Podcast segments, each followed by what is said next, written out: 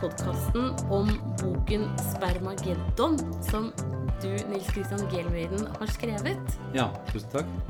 Vær så god. jeg gleder meg veldig til denne praten, for at jeg har begynt å lese boka, og det er bare så overveldende. Ja, Er det for mye, mener du? Er det for mange tall? og Er den for faktatung? Er det det du mener å antyde? Eh, nei, ikke nødvendigvis det. Det er mer sjokkerende. Ja, det var det for meg òg. Ja. Så, men hvorfor, hvordan kom du på å skrive den boka? Ja, det begynte på en rar måte fordi uh, jeg ble jo transplantert. Jeg fikk en nyre av min kone for ti år siden. Det var hyggelig, da. Ja, veldig, Det er ganske glemt gjort, faktisk. Ja. jeg kan synge den 'I've got you under my skin' med stor troverdighet. Eh, Men jeg måtte på en måte bli alvorlig syk for å bli nysgjerrig på hva jeg spiser og drikker. Som min kone alltid har vært, uh, i mer i større grad enn meg. Det tror jeg gjelder at kvinner er mer interessert i det enn enn menn er. Ja. Og jeg måtte bli alvorlig syk og ble interessert og skrev min første faktabok eh, i 2013. Ja, For du har jo skrevet mange bøker tidligere og laget intervjuer, Mm. og du er jo en skrivende mann. Ja da, så denne CD-boken vi snakker om nå, er jo bok nummer 37. Men eh, jeg har drømt hele livet om å leve av å skrive bøker, og nå har jeg klart det. I syv år er det kanskje blitt. Siden den matboken kom. Den var en stor suksess. Den har sannheten på bordet. Og i den boken så har jeg med dette med fallende sædkvalitet. Jeg har med en, en studie fra Danmark hvor det viste seg at tre forskjellige yrkesgrupper rundt København, altså mennene i tre ulike yrker eh, i København-området, hadde rundt 50 millioner sædceller um, i snitt. Det var, er lavt. Eh, Man regner som underfertil når det er mindre enn 40 millioner. Ja. Eh, Og så var det da eh, 31 medlemmer av den økologiske jordbrukerforeningen i Kolding som også tok en test, og de kom ut med et snitt på over 100 millioner. Så det var en stor forskjell. Det betyr jo ikke nødvendigvis at det har med økologisk mat å gjøre. Det er jo andre forskjeller sikkert på folk som er jordbrukere ja. på, på Jylland enn folk som bor i by på Sjælland. Men det styrket jo mistanken om at det kanskje kan ha med sprøytemidler og stoffer i um, konvensjonell mat å gjøre. ja. Så, For, så jeg, og sånn, dette, Da ble jeg interessert, og samme, så skrev jeg drikkebok for å følge opp uh, matboken, som het 'Sannheten i glasset'. ja. Og der har jeg med fallende mannlig fertilitet. Så laget jeg en kokebok eh, sammen med en for meg egentlig fremmed mann som heter René Sografos, eh, som skulle være den positive boken, litt løsningsorientert. ja. Som ble utropt til verdens nest beste kokebok eh, i Beijing, faktisk. En Wow. Sånn, ja, da, Det lyder jo flott. Det var ikke sånn oppsving i salget, men det lyder jo flott. Ja. Innenfor kategorien helse og ernæring. Ja. Den het 'Sunnheten på bordet'. Der hadde jeg med fallende mannlig fertilitet. Og, og så kom pilleboken 'Pillebefinnende', hvor det også er tematisert. Og den femte faktaboken het 50 fordeler med å passere 50, og handler eh, iallfall stedvis om at testosteronet hos menn faller fortere enn hva det gjorde før. Så jeg har liksom vært innom det i fem faktabøker og tenkt at dette her er rett og slett spennende. Og jeg måtte streve litt for å overtale forlaget til å tro på det. De tenkte først at det kunne bli en spennende artikkel i A-magasinet. Oh, ja. Så jeg måtte overtale både stipendgivere og forlag. Ja, For det ser jeg jo, du har jo ekstremt mye kildehenvisninger bak i boka. Ja, det er faktisk 60 sider, kanskje for mye til meg, med, men det er det. Jo, jo, men jeg tenker at det gjør det jo veldig lett å finne ut og hvis man ønsker å lese Ja. videre om det og sånn. Altså, det Jeg, jeg tror nok det er faktisk bedre Hvis du tar med metaanalysen, er det nok over 1000 studier som er med i boken. Ja. Uh, Så det, man, det rare og det som har vært spennende Man vet jo, man er på en måte enige om hva som skjer. Uh, At selvkvaliteten faller veldig fort. Ja. Og da tenkte jeg, må bare skyte inn, hva liksom regnes som minimumsnivå nå for tiden? Ja, øh, Verdens helseorganisasjon har regnet øh, 20 millioner mm, sædceller per milliliter som minimum frem til 2011. Da reduserte de det til 15 millioner. Ja. Det regnes nå som på en måte fertilitetsgrensen, den aller nederste som du, Før du får fertilitetsbehandling, så må Ja. du ha mindre enn 15 millioner. Og det er, det er sånn regnestykke som Norge følger? Ja, den, det følger de fleste land gjør det. De følger Verdens helseorganisasjon, de, de fleste også, faktisk, når det er feilaktige råd de gir, som de gjorde. Å. Et av de siste punktene i hoveddelen i boken heter jo eh, lite sex, men lenge anbefalte WHO at man sparte opp sæd i syv dager eller så. Å ja. For man tenkte at det øker mengden, og det gjør det. Det øker mengden av sæd, men, men kvaliteten, altså svømmeferdighetene, er port Holder seg liksom ikke syv dager? Neida. Det er ikke noen sentral grunn til eh, problemet, men, men det var et feilaktig råd som, som all forskning viser at det er lurere å ha seks daglig eller flere ganger daglig. Ja, ok. Ja, for det, det lærte jeg i boka di. Jeg, liksom kunne fra før at sædceller lever i fem dager, men du skriver en uke. Ja, Så ja da du, du, De kan jo leve enda lenger. Det finnes jo unntak. Det gjør du jo alltid. Gjør det det? Og det rareste er jo at de, nå fryser jo unge mennesker ned sæden. Ja. Ja. Og da kan den holde i 20 år. Da kan den tine opp om eh, 20-25 år, og den funker. Det er jo veldig rart når eh, vi ser på hvor kort det holder i kjøleskapet og andre ting. Ja, ja det, men de er jo sånn veldig veldig dypfrysta. Det er ikke Ja, 18 det er jo- grader. Ja, det er ikke- det er ikke- det er ikke er ikke. Nei. Det skjønner jeg. Det er litt mer enn det. Men, men, men det tenkte jeg også, for det slo jeg opp nå før eh, For jeg hadde det litt sånn i bakhodet det der med Norges første prøverørsbarn, en jente. Ja. Hun laget jo også prøverørsbarn for å bli gravid selv. Ja. Så det, man kan kanskje tenke seg at det skjer noe i den fryseprosessen. ja da, det er gjort masse studier. Nå er det gått så mange år siden det første prøveårsbarnet kom til verden. Og hun jeg var vel fra England og har jo fått eh, to funksjonsfriske barn, så vidt jeg vet, Ja. selv.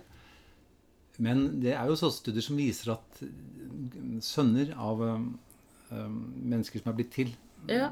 Altså sønner som er blitt til ved assistert befruktning, Mm. har jo en snitt, et snittall på litt i overkant av 17 millioner sædceller. Det er klart at det gir seg selv. Um, Ja, så de ligger liksom de i ut. nedre Ja. Og, og det er vel en, en, en av de tingene som når man fikser på ting, så, så gjentar du det på en måte. Altså det er samme keisersnitt på grunn av smalt bekken. Ja, jeg vet det. Så blir du, du forsterker ved Ja, ikke sant? Så dyrker du jo frem. Det er jo sånn man ellers gjør i avl av dyr. Ja men vi gjør det faktisk litt, vi også. Ja. Det er litt Det er sånn på mange områder. At, og også når menn spiser testosteron for å bli mer menn, Ja, som mange menn gjør, også unge menn. Det er jo et så effektivt prevensjonsmiddel at det ble vurdert faktisk som eh, mannlig prevensjon. Det stopper sædproduksjonen ganske umiddelbart og, og nesten helt. jøss, det visste jeg ikke i det det vet hele tatt. Nei. Så det er også en medvirkende Det er et eget punkt. Oi, wow. Mm. Men, men du sier at det er fire, fire viktige ting som er årsaken, hovedårsakene, da, kan man vel si, Ja. til nedsatt sædproduksjon? Ja da, det er en sånn Den Kvalitet. professoren og forskeren som jeg kanskje siterer mest, eller helt sikkert siterer mest i boken, han heter Richard Sharp og er en internasjonal autoritet på fertilitetsforskningen. Og eh, han sier at eh, det helt sikkert har med kosthold å gjøre, og det har helt sikkert med livsstil å gjøre, og det har helt sikkert med legemidler å gjøre, og helt sikkert med miljøgifter å gjøre. Og det er, nok, det er det nok veldig mye sant i når jeg har fordypt meg i dette i halvannet år. Ja. Men det er litt mer innviklet enn som så, fordi det er veldig mye miljøgifter i matvarene. Og livsstilen, fedme, diabetes, inaktivitet eh, er jo også kanskje resultat av kosthold. Så det er veldig For eksempel er det et fascinerende funn, syns jeg. da. Nå er jo syv av ti nordmenn regnet som overvektige. Ja, Det har økt veldig. Det er jo bare å se seg om på buss og bane, egentlig. ja. ja. Uh, og da er det jo litt fascinerende å vite at uh, Forskning.no skrev i 2016 at kaloriinntaket blant nordmenn har vært jevnt fallende siden 1980. Det er jo veldig strid. Vi regner med at man blir tjukk fordi man spiser for mye og beveger seg for ja lite. ikke sant? Men vi har altså inntatt stadig mindre kalorier siden 1980. Og det styrker hypotesen om at det er andre stoffer i maten som påvirker eh, fedmen. Man vet jo at eh, mange av eh, sprøytemidlene i maten for eksempel, og andre hormonforstyrrende stoffer, antagelig også plaststoffer, påvirker eh, energiomsetningen og, eh, og tarmfunksjonen og eh, ja, mm, virker vektøkende uavhengig av mengden mat. Ja. Så det Jeg er, tror jeg påberoper meg den, jeg. jo, men det er jo spennende. Ja, men det er, det, da blir det jo innmari komplekst. Ja, det er komplekst, og du kan si mm, akkurat overvekt, fedme, diabetes, som jo er veldig eksploderende i vårt land og andre vestlige land, og faktisk også i den øvrige verden, er uheldig for fertiliteten både hos menn og kvinner. Det er det enighet om. Ja. Eh, Så det har vært vanskelig på en måte å opptelle boken, men jeg ser at, eh, at kostholdet påvirker de andre faktorene også. Det, jeg synes det, er, det er en studie fra Harvard for eksempel, som viste i 2015 at menn som spiser økologisk mat, hovedsakelig spiser økologisk, mm, eller som begynner å spise økologisk, de kan doble antallet sædceller. Ja. Og det er jo Hvor lang tid tar det? Er det liksom ett år i forveien? Eller Ja, det- det, det var- 14 dager? Ja, jeg eller? mener at det kanskje var Det er jo så mange studier. Kanskje det var flere uker. Det var nok flere uker, så, Ja. så vidt jeg kan huske. Alt dette Det var umulig å huske. Ja, for jeg studier. tenker liksom at noen av de som kommer til å høre på den podden, sliter med å lage barn. Ja. Hvor lenge må man spise økologisk? Ja, da, men fall den studien sa at det funker. Og, og da tror man jo kanskje at det bare handler om sprøytemidler. Det gjør nok det helt sikkert òg. At det er mindre sprøytemidler eller ikke sprøytemidler i økologisk. Det er sikkert en del av forklaringen. Men det er mye mer, vet du. For man vet helt sikkert at C-vitamin er viktig for sædproduksjonen. Ja. Man vet helt sikkert at mange mineraler er viktige. Eh, og eh, særlig sink Ja. og selen.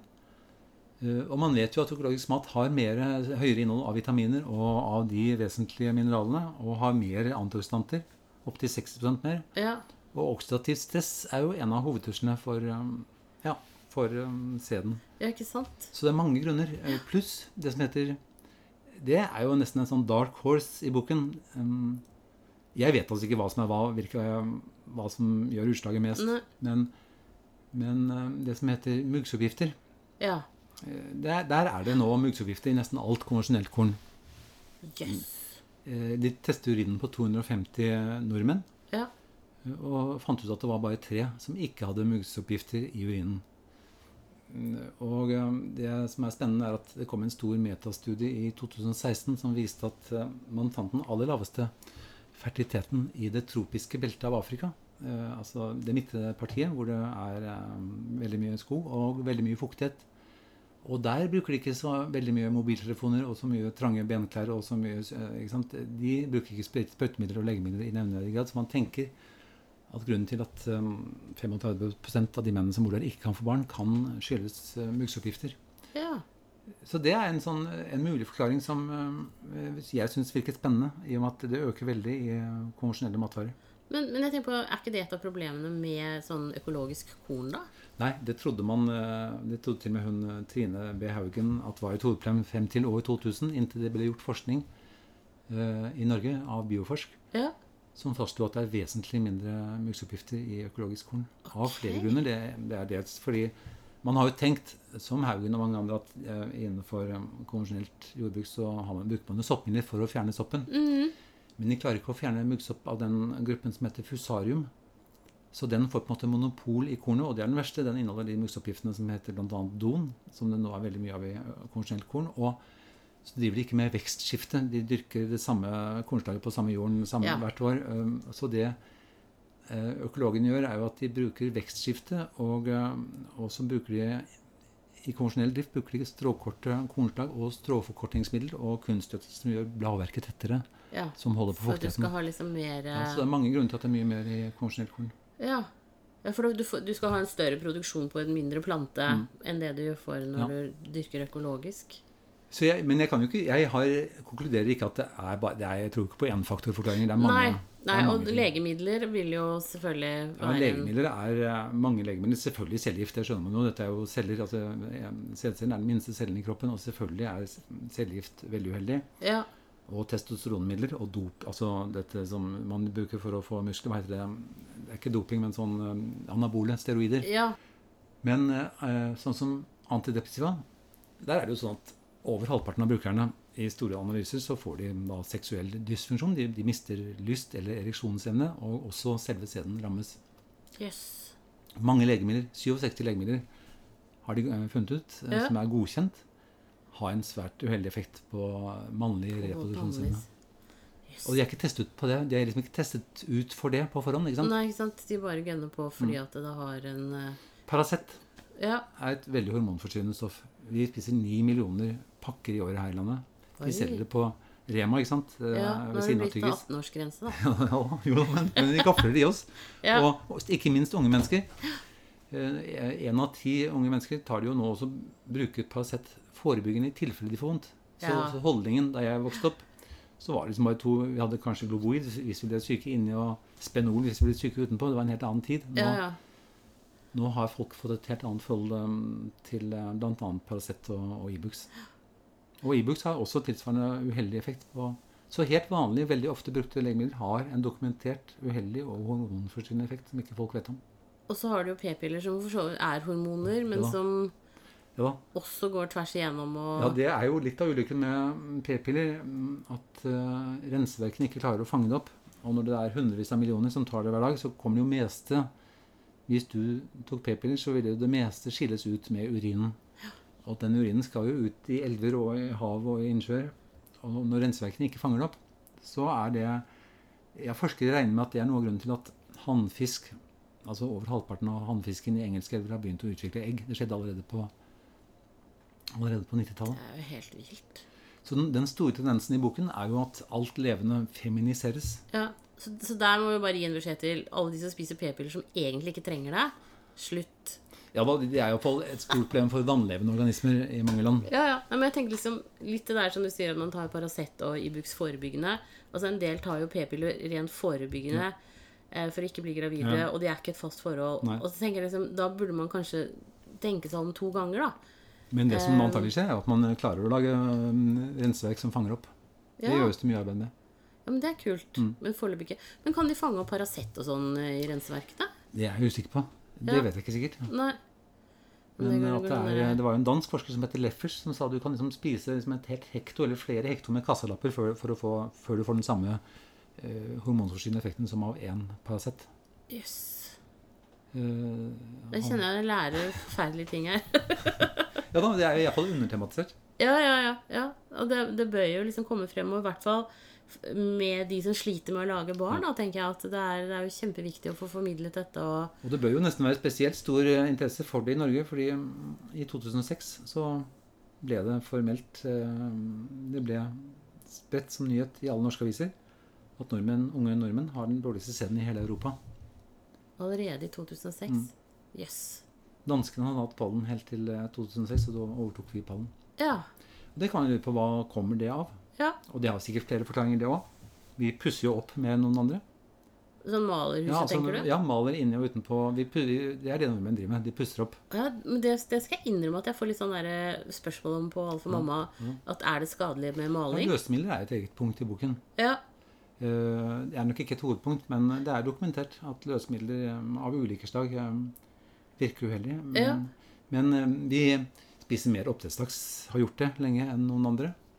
Ved Norsk institutt for luftforskning så konstaterte de i februar 2014 at, at vi nordmenn har mer, flere miljøgifter i kroppen, i, altså i blodet, enn noen andre folkeslag. Det syns jeg høres jo liksom helt Ja. vilt ut. Ja, vi tror jo vi er så naturlige. Ja, vi tror det. Vi tror det, at vi er skikkelig naturfolk, og at alt er rent og ordentlig. Og så er vi jo aldeles ikke det i det hele tatt. Nei, det er jo gjort øh, altså, forsøk med bl.a. oppdrettslaks som kommer veldig uheldig ut for oppdrettsnæringen. Ja. Eh, Er, er, vil det si at vi er liksom det folkeslaget som drikker, nei, spiser mest oppdrettsfisk? ja, vi har lenge vært det. Jeg vet ikke hvordan det er nå, men da jeg skrev matboken, var det sånn. Ja. Jeg vet at det For nå er det jo oppdrettstorsk også. Ja, men det ble ikke noen suksess, faktisk. Det har gått konk. Det største øh, gikk konk for noen år siden. Oh, ja. De klarte ikke å temme torsken. Nei. Eh, Det var nok mye vanskelig, for den er jo en bunnfisk, og den vantrives mye mer eh, i fangenskap og rømmer i større grad. og Ja. Ble ikke så vant til å spise pellets og likte ikke soya fra Brasils tidligere regnskog like godt som laksen.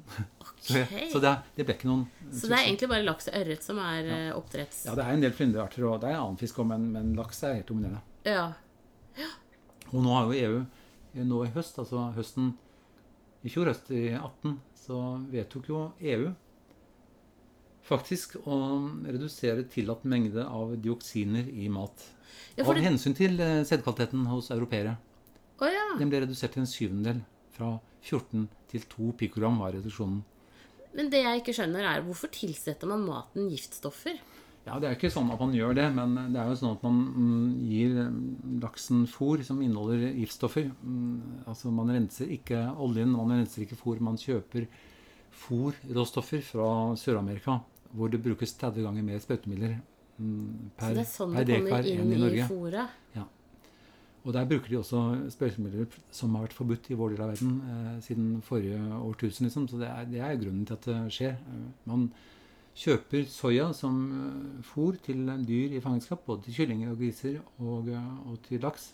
Og det er jo ikke fordi laks og kyllinger og griser har godt av å spise soya, det er fordi det er de billigste proteinene man får kjøpt i hele verden. Ja.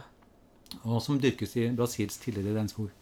Yes. 300 000 mål bare til eh, norsk forbruk. Men, men ja, da tenker jeg på liksom sånn der, eh, de menneskene som bor der hvor de dyrker, de må jo ha i hvert fall nedsatt fertilitet, da. Ja, og det har de. Så det er liksom påvist. Ja da, øh, i, mm, altså, I agrare samfunn, som det heter vitenskapelig, så ser man i Amerika også at øh, særlig etter at uh, genmodifisert uh, jordbruk ble lansert for alvor øh, under Clinton, så, øh, merket man en markant nedgang i sædkvaliteten i de jorddyrkningsområdene hvor man brukte GMO, som, som jo er patentert av sprøytemiddelprodusentene for å øke forbruket av sprøytemidler. Ja. Det er ganske vilt. Og det går jo i drikkevannet. Atrasin og Roundup og mange av de stoffene går jo også i bunnene og i drikkevannet. Eh, Så det er en sammensatt eh, affære. Ja, men nå er jo roundup blitt forbudt. Ja, ikke helt. Det er muligens at det blir forbudt om noen år. Eh, Det er en myte at det er helt forbudt. Eh, De okay. sprøytes langs veiene på Tjøme fortsatt med Roundup. Oh, ja. Just, hva tenker du når du liksom ser det da og vet alt det du vet? Ja, jeg tenker, at, jeg tenker jo jeg- egentlig at jeg jeg, iblant skulle ønske at jeg ikke visste. Um, Ja. Jeg har alltid vært godtroende person. Jeg er sånn som betaler på Finn for et kamera som aldri kommer. Jeg vil heller være sånn eh, godtroende person. Og jeg vil heller stole på myndighetene og på Legemiddelverket og Mattilsynet og alt. Ja. For det å tenke at politiet kanskje står på forbryternes side, er, ikke en holdbar situasjon. Nei. Og sånn er det nesten blitt for meg. Jeg stoler ikke lenger på Mattilsynet og, og Legemiddelverket som jeg gjorde før. Nei. Eller legene. Altså jeg, det har rammet meg på en måte mentalt, syns jeg. Ja. Og jeg vet ikke om jeg ville skrevet disse bøkene igjen. Nei, fordi du har lært litt for mye, på en måte? Ja, på en måte, jeg syns det, det, såpass- jeg synes det er såpass ubehagelig å vite det. Ja. Det er kanskje bedre å dø et par år for tiden uten å vite det.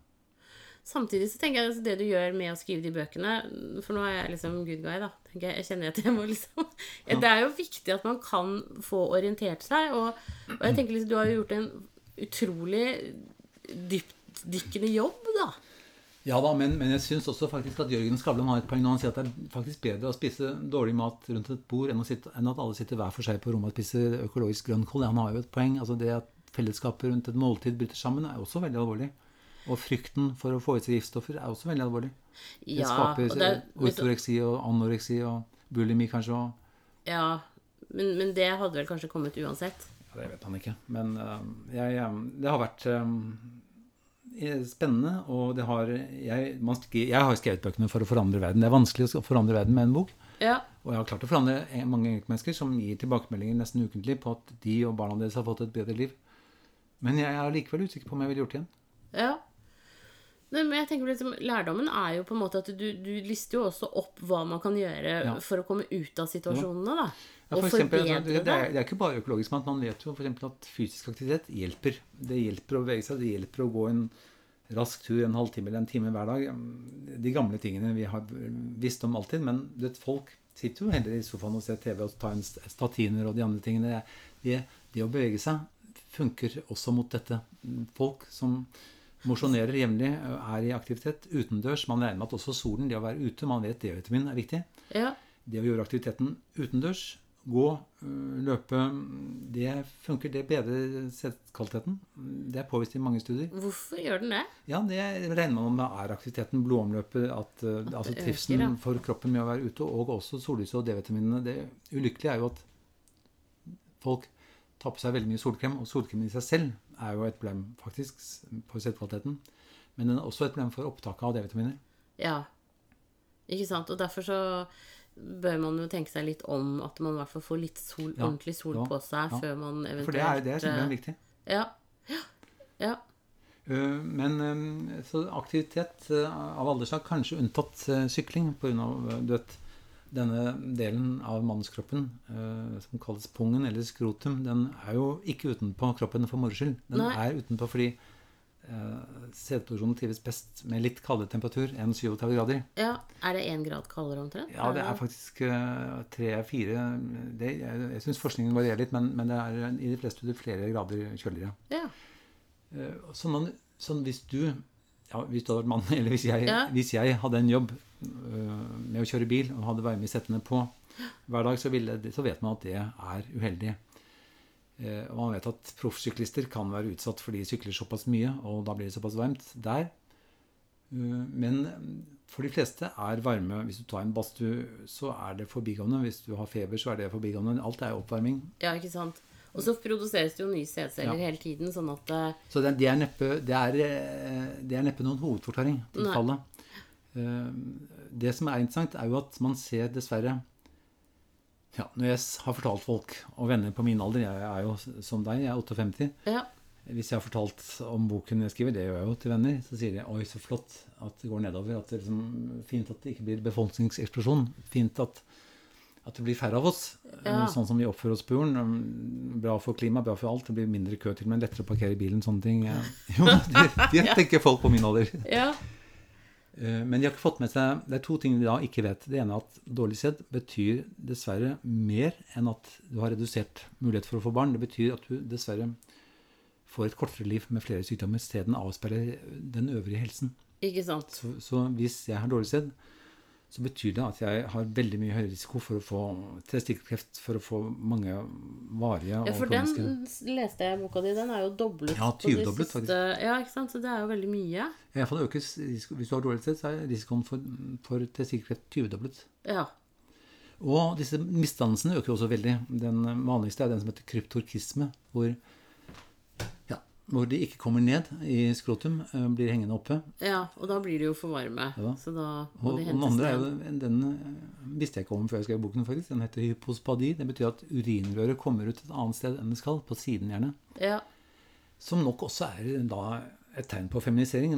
Jeg ser at forskerne snakker om noe som heter anogenital avstand, som sannsynligvis da er avstand mellom rektum og kjønnsorgan hos menn. Ja. Og når den krymper, så regnes det som helt, en helt sikker indikasjon på, mm, på feminisering av menn. Oh, ja.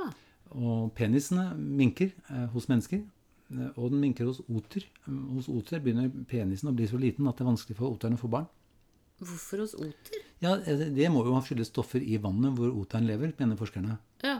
Og i Canada er det, i forurensede deler av Canada er det oter helt uten testikler. Så det er, det er en av grunnene til at oterne eh, dør ut fortere enn mange andre. Ja. Men også biene. Man har jo tenkt at de ikke finner veien tilbake til kubbene. Mm. Men det er også sæden s- s- til biene er gjennomgående den samme. Hundene i England eh, har like sterk reduksjon i sædkvaliteten som menneskene. Jøss. Eh, Det var faktisk en, en studie ved University of Nottingham som konstaterte at det måtte skyldes stoffer i interiøret. De har veldig ulikt kosthold, hunder og mennesker. Ja. Så man tenkte at det må være stoffer, flammehemmere og sånt noe, i, i ja. interiøret. Som rett og slett påvirker det? Mm. Yes. Det er ganske heftig, da. Ja, det er det. Må jeg si. Og det, du kan si, en ting er, det er det andre folk ikke vet. Det hadde jo nesten vært et eh, elegant punktum for menneskeheten hvis det var bare oss. Hvis dette var um, takk og farvel til eh, sapiensene. Men det er jo ikke fullt så elegant hvis, hvis vi tar med oss resten. Hvis vi tar med oss fiskene og insektene og, og fuglene og, og, og de andre pattedyrene. Ja. Nei, Det- det er veldig stusslig. Altså sånn uh... Og det, og det ser det ut til at vi gjør. Ja. Foreløpig er virkningen aller sterkest i havet. Det er nok noe av grunnen til at det ikke lenger er fisk igjen her på Tjøme f.eks. ja, for her har du ikke lov å fiske torsk lenger, og Ja.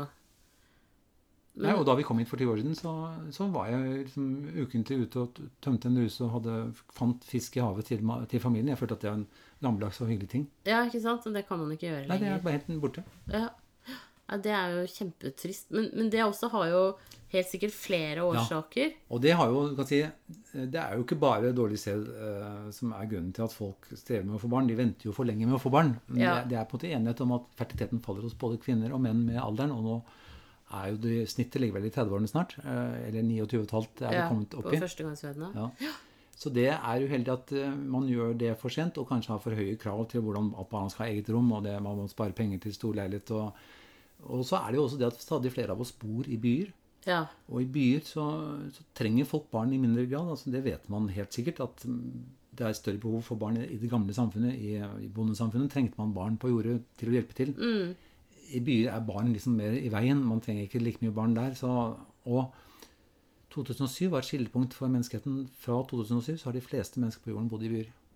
Og allerede Oi. nå er det oppe i 55. Ja, og mer blir det jo. Mm. Altså, det øker jo veldig. Men det også jeg tenkt på, det der med at nedgangen i, i eh, nordmenn født hvert år, da. Eh, det har jeg liksom tenkt på at det da egentlig hadde med at folk ikke ville lage barn. Men da, har det jo, da ligger det jo en skjult Ja. fertilitetsfaktor. si, Tallene som ligger på bordet, er jo at ett av fem eh, norske par er ufrivillig barnløse. Ja, 20 Og så er man også enig om eh, at eh, nedsatt sædkvalitet er en medvirkende forklaring i to tredjedeler av de tilfellene. Ja. Men av en eller annen grunn, fra gammelt av, vi er vant til å tenke at jeg tror i de fleste par mm, er det kvinnen som tester seg først. Ja. Så man tenker og tror og regner med at det er kvinnens feil. Ja. Eh, Det har man tenkt siden Aristoteles. Man har tenkt at, at mannen er den overdådige frøsprederen med sine millioner av setere. at kvinnen er jorden. Eh, Og hvis ikke frøene virker, så er det noe gærent med jorden. Det har vært den gamle forestillingen. Og eh, i tiltakende grad er det rett og slett noe gærent med frøene. ja. Det er, henne, det er jo endometriose. Det er, det er jo feil. Ja, det er jo masse med da, Eller masse, masse, men det er jo ting med eggene og, og, og med damene også. Men de påvirkes, det påvirkes Jeg ser det da jeg skrev boken, at det er faktisk med en del av det også. Fordi mye av disse faktorene som virker skadelig på sæden, er også skadelig for, uh, for kvinnens forplantningsevne. Ja, ikke sant? At du, du får miljøgifter Mm. og, og, og sånn som påvirker eggenes Ja. funksjon. Så, og jeg trodde da jeg begynte på boken at det ikke var forsket så mye på det, men det var forsket overdådig mye. Det er um, sånn som aluminium uh, er et eget kapittel også. En litt sånn dark horse, hvis man bruker det språket. Den, den Ja. hesten som man ikke regnet med. Um, For du, man vet at fallet begynte etter annen verdenskrig. Ok. Det, og det betyr så mye man vet det. Og det betyr jo ja, ja, mobiltelefoner og uh, trådløse nettverk. Ja, ikke sant? Det er mange studier som viser at det har en uheldig effekt. Men hvis det begynte etter annen verdenskrig, så er det jo flere tiår før mobiler og datamaskiner og trådløse nettverk fantes. Mm. Så det har vært spennende for meg, det puslespillet. Ja. Men akkurat med aluminium så vet man at det er fullstendig sammenfall mellom utbredelsen og fallet. Altså den virkelige eksplosjonen i aluminiumsbruk skjedde etter annen verdenskrig. Ok. Og, øh, og sammenfaller veldig med fallet i settekvalitet. Uh, det er ikke Så da tenker du liksom sånn aluminiumsgryter Ja, det er jo eh, og bokser. Det er svært mye som er aluminium i våre hverdager. Og i våre matboller og i vår eh, Veldig mye alufolie og, eh, det Og så er det enighet faktisk om at aluminium er giftig. Hvis du drysser aluminium på gresset eller plantene dine, så reduserer du veksten mest 30 yes. Eh, Og man vet at det har en uheldig eh, jeg, jeg bare var fascinert over det. Det er også en sånn lite tematisert eh, sak, og nokså nylig oppdaget. Ja. Hm. For det har jeg ikke hørt det. Ja, ja. Og det var jo noe av det siste som jeg fikk med i boken, faktisk, som jeg mm, oppdaget sent i prosessen. Ja. For, for eksempel, I den boken så går du jo gjennom de forskjellige stoffene og forteller hva de gjør, og hvordan de virker, og Ja, Det meste i boken er hva det kan komme av. Altså Ja. Først uh, forteller jeg all dokumentasjonen som viser over tid. Eh, Det var Den første store studien ble fremlagt i 1974 og viste en halvering av selvkvaliteten fra 1955 til 1972. Og så kom den store metastudien som tok opp i seg 185 studier, som fikk førstesideplass i alle verdens aviser sommeren eh, 2017. Hvor det ble påvist at um, sædmengden var redusert med 60, nesten 60% på 38 år.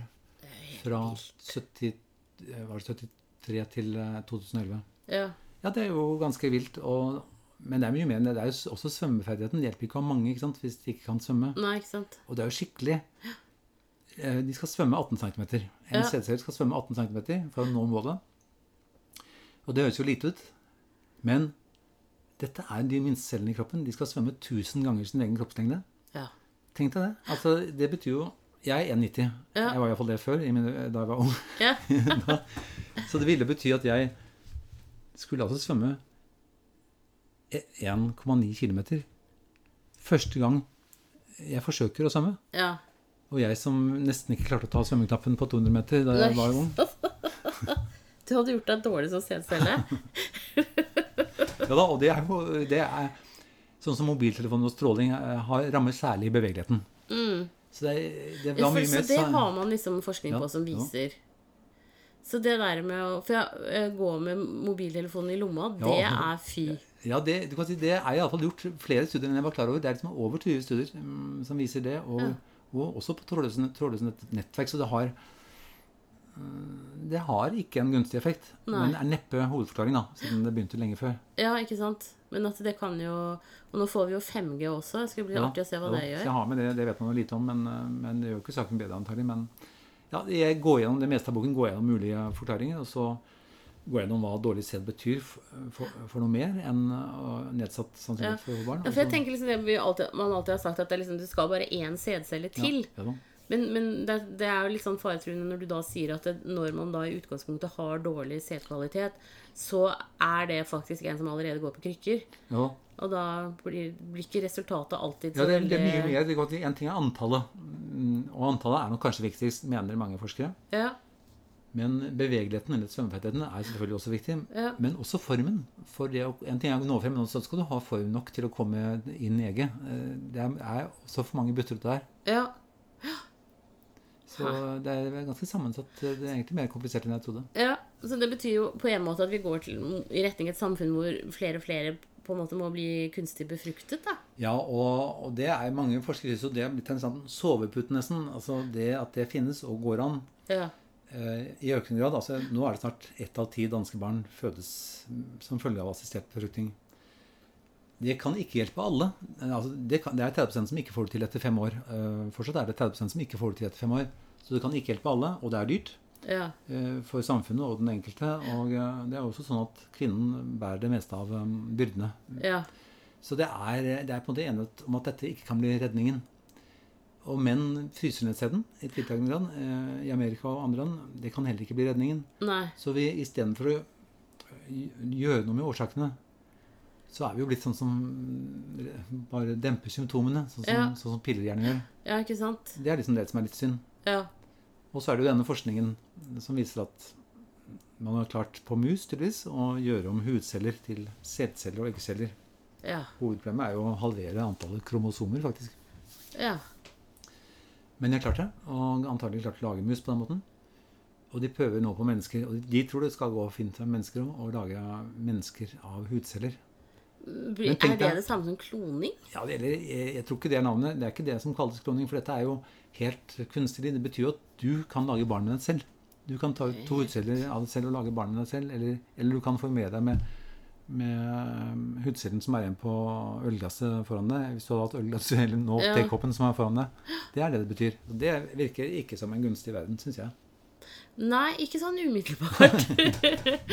og så særlig hvis du på en måte Altså jeg tenker liksom det vi Man trenger jo et mangfold for å skape bedre individer. Et genetisk mangfold. Eh, Sånn at, det- at det på en måte Det mister man jo da. Det blir jo liksom sånn der som seg med fetteren sin. Ja. Og vel så det. Men heldigvis, det oppløftende om i boken er iallfall hva man kan gjøre. F.eks. Det å, å spise mindre kjøtt og mer planter, det funker. Ja. Sannsynligvis, veldig, da får du mye mer vitaminer og mineraler. Og, og så får du mye mindre av det skadelige som kjøttet gjerne inneholder. Ja. Særlig bearbeidet kjøtt, altså pølser, hamburger og sånn, virker direkte negativt. ja. Uh, Meieriprodukter virker eh, uheldig. Antagelig fordi det er hovedkilden til østrogener i vestlige menneskers kosthold kommer fra kuer. Ok. Og grunnen er, Er det også- fordi at kuene får hormoner? Ja, kuene, det grunnen er jo For det første er jo Kumelk er jo for Målet med denne hvitevæsken er jo å gjøre en kalv på 30 kg til en ku på 300 kg, eller okse på, på 300 Ja. kg, så fort som mulig. Det, det er et veksthormon. Den inneholder veksthormoner uh, som øh, gjør, har samme effekten på mennesker som det har på kuer. Men det som ingen snakker om, og som selv ikke Fedon Lindberg visste om da jeg snakket med ham, Ja. Det er jo at man i gamle kulturer mm, så drakk man aldri melk fra gravide eller drektige eh, kuer. Det gjorde man ikke. Nå tapper man melk hele tiden for å tjene mest mulig penger, også når, eh, Altså når når kua er drektig. Um, Men man vet samtidig at i siste del av svangerskapet hos kuer så er østrogeninnholdet 33 ganger høyere, naturligvis. Ja. Det betyr jo at østrogennivået i melk har økt kolossalt etter at det ble industrialisert. Tillatt det, ja. Mm. Så egentlig så økologisk melk også kan være Ja, da, altså, Eller de tapper kanskje av de kuene også? jeg tror nok at, eller jeg er helt sikker på at økologiske kuer iallfall får lov til å gi melk til eh, sine, sitt avkom. Eh, I konvensjonell drift er det sånn at eh, altså, kalvene får tørr melk isteden. De eneste som kunne hatt nytte av melken, får de ikke. Ja, de får det ikke, stakkars. Nei, for, fordi det vil bremse produksjonen av melk. Ja. Ja, dette, Jeg visste ikke om det. Jeg har aldri vært noen spesielt glad i melk. Men, men det er enighet om at uh, meieriprodukter er hovedpåvirkningen av østrogener i vestlige menneskers kosthold. Skikkelig nedtur for meg. Jeg elsker jo melk og ost. Men på den annen side, er du ikke mann, Nei, det er jo ikke Så det har ikke noe å si for Jeg, jeg trenger jo østrogener. Eh, Det er nok noen av grunnene til at man, at eh, man ser dessverre veldig stort samsvar mellom inntak av meieriprodukter og, og de hormonelle kreftformene Ja. i mange land. Altså. Og det er fascinerende. Jeg husker fra drikkeboken hvis en japansk kvinne De har mye mindre brystkreft i Japan. Hvis en japansk kvinne flytter til USA, som jo en del har gjort, Mm. og vokste opp der, så har hennes døtre like stor risiko for brystkreft som de amerikanske kvinnene. Som jo på en måte tydeliggjør at det, det er eh, ikke bare genetisk. Og, Nei, nei, nei. og finske menn har hatt den dårlige beste stedet i, i Skandinavia i alle år. Ja. Men hvis en finne flytter til Sverige, hvor de alltid har et litt dårligere stedkvalitet Ikke så dårlig som i Norge, men de har et mye dårligere sted i Sverige enn i Finland. Ja. Så får han ganske fort like dårlig sted som uh, svenskene. Ja. Det er jo Det tyder jo i hvert fall på at det kanskje har mer med miljøet enn med gener å gjøre. Eller som loven slutter å gjøre, for at polske polske kvinner har eh, 70% mindre brystkreft enn norske. Men det er fordi de spiser i snitt 40 kilo kål i året. Ja. Og når de flytter til Norge, så slutter de med det. ja, det er mange sånne ting rundt Middelhavet. Spiser de seks ganger så mye løk som nordmenn. Ja. Så det er mange sånne forhold som er interessante, men som for så vidt ikke beviser noe. Men, som, men middelhavsdiett vet man jo at f.eks. Virker gunstig på sædproduksjonen. ja. Men, men sånn som i den, den kokeboka du har laget, tar du for deg liksom Ja. sedvennlig mat?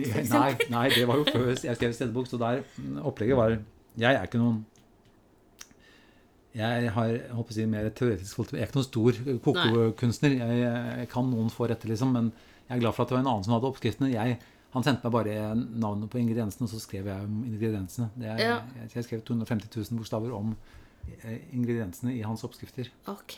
Sånn var det. Ja. Og det var innmari eh, spennende. Det medvirker til at jeg spiser valnøtter eh, hver morgen, faktisk. ja, for det er bra for hjernen. Ja, virkelig. Den, og morsomt, da, eh, når du ser på valnøttenes form, hvordan den ser ut. Ja. Du får et ganske sterkt hint om hva den kan, hva, er hvilken, hvilken del av kroppen den ja. kan. Og sånn sett så er jo tomater er jo veldig bra mot eh, kreft i sæd... Altså, heter det i uh, testiklene. Ja da, Tomater er bra for menn, ikke fullt så bra for damer, sier min kone. Hun driver også og leser mye. Men, men det var akkurat en, du vet, når man har utgitt en sånn bok Ja. Det er alltid litt deilig å se de studiene som kom like etter at boken gikk i Ja. Og det er en sånn studie så har jeg sett, er jo at uh, menn som spiser mye tomater, har, kan opp... uh, altså, hvis de begynner å spise mye tomater, så kan de oppleve en økning i sædkvaliteten på 50 Oi. Eh, Det skyldes jo da innholdet i tomatene som er gunstig Jøss. for testosteron og Ja, det var jo mye. 50 Mm. Ja. Det var et pluss her. Et klart pluss. Er det andre matvarer som du vet om som kan være sånn helt sånn Nøtter. nøtter? Ja, virkelig. Nøtter eh, er bra for nøttene, er det det man sier. Altså, nøtter, eh, Ja. Særlig vannøtten kommer bra ut, men nøtter er gunstig. Ja. Eh, Det er på en måte trærnes egg. Det er det beste trærne kan lage, er jo nøtter. Og det har en gunstig effekt, sannsynligvis pga. mineralinnholdet. ja. Ja, men Det er spennende, for for da kommer du tilbake til det du snakket om helt i begynnelsen, dette med vitaminer og mineraler, at det også er veldig Ja. viktig. Veldig viktig. Og, og det har jo vært fallende. altså Det har falt i, eh, i planter og i frukt. Det som I hele vår levetid har innholdet av vitaminer og mineraler falt.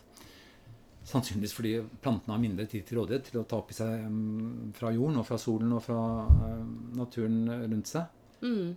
De er tilbringer kortere og kortere tid i jorden? Så, og jorden blir tommere og tommere. De får, de får liksom de tre mineralene de skal ha av jordbrukeren. Ja. Kunstgjødsel og Så det er nok en medvirkende grunn til at uh, næringsinnholdet faller. ja. Og så er det jo på en måte tragisk at vi teller til kilopris, da. Alle disse um, plantene og fruktene. Um, på alle andre områder i livet så er det jo kvalitet. Vi, vi vet jo Leter etter det, ikke sant? ja, Det er jo rart, for du har erfart, jeg har skjønt at det er stor forskjell på kvaliteten hvis vi kjøper sko eller bil eller klær. Men vi tror at maten er unntaket. Ja. Vi tror at der er det bare pris som gjelder. Men du smaker jo forskjell. Ja. Altså, du, Økologisk Økologisk mat smaker jo mye sterkere. Ja, og det er også det, Jeg hadde ikke skjønt det før jeg skrev den matboken. Det er klart at uh, epler lager ikke smak for at du og jeg skal bli glad. De gjør jo det for å beskytte seg. Altså, De lager farve og smak for å beskytte seg mot alle finnene. Ja. Og mot solen og mot alt det andre. Og hvis de får en sånn kondom av uh, kjemisk trygghet utenpå seg, som norske epledyrkere sprøyter Jeg har vanligvis eplene ti ganger i året. Det er klart eple, Ti? Ja, ja da. Herregud. Ja da. Det er ikke så rent som du håper og tror, men uh, iallfall er det klart at epler lager ikke de samme, har ikke behov for å lage de samme stoffene. Nei.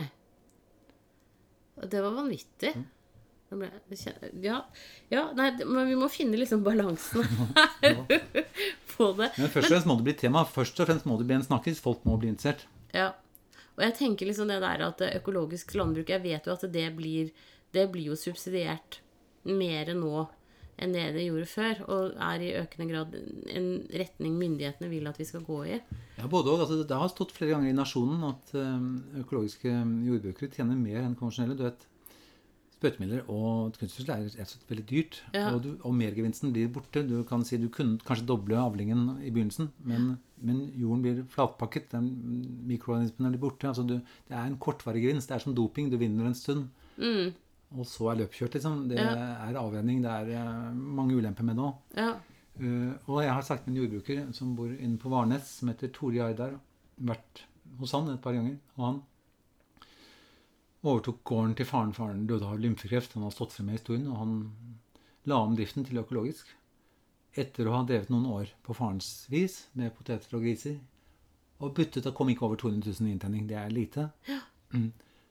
Og så landa han til økologisk andelsjordbruk Ja. og tredoblet inntjeningen til 600 000 i året, som jo begynner å monne. Ja.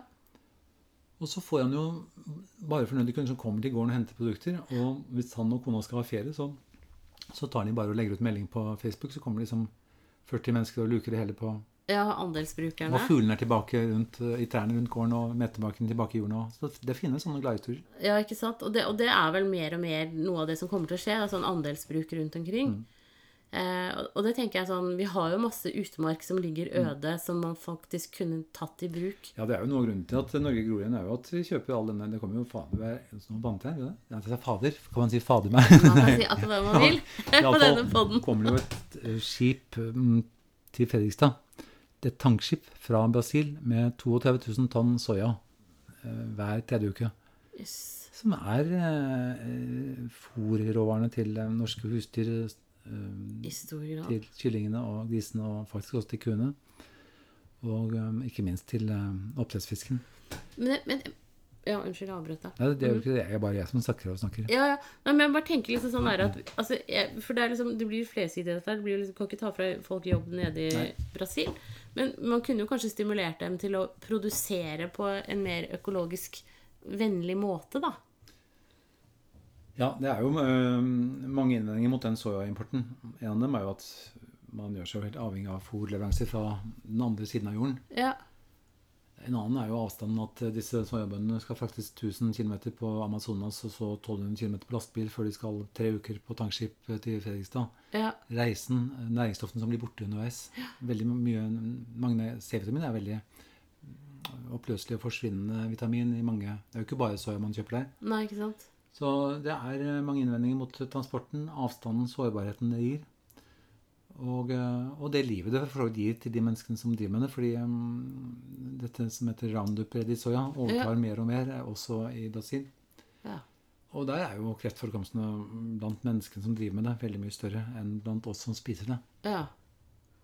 Det er jo tragisk. Men, men jeg tenker da liksom på en måte dette er tilbake til å For å forbedre sædkvaliteten, da. At man, man Det å gå på vitaminer og mineraltilskudd Ja, det er gjort veldig um, ulike studier på det med tilskudd. Jeg har med det som et eget punkt. Eh, Det finnes studier som viser at det er gunstig, og det er antagelig i hvert fall gunstig med D-vitamin, siden vi ligger i et mørklagt eh, Det er nok lurt av nordmenn å ta D-vitamintilskudd eh, i vinterhalvåret. Ja. Det er det stor grad av enighet om, og vi burde antagelig ta mer enn det myndighetene sier, mener iallfall forskere og professorer.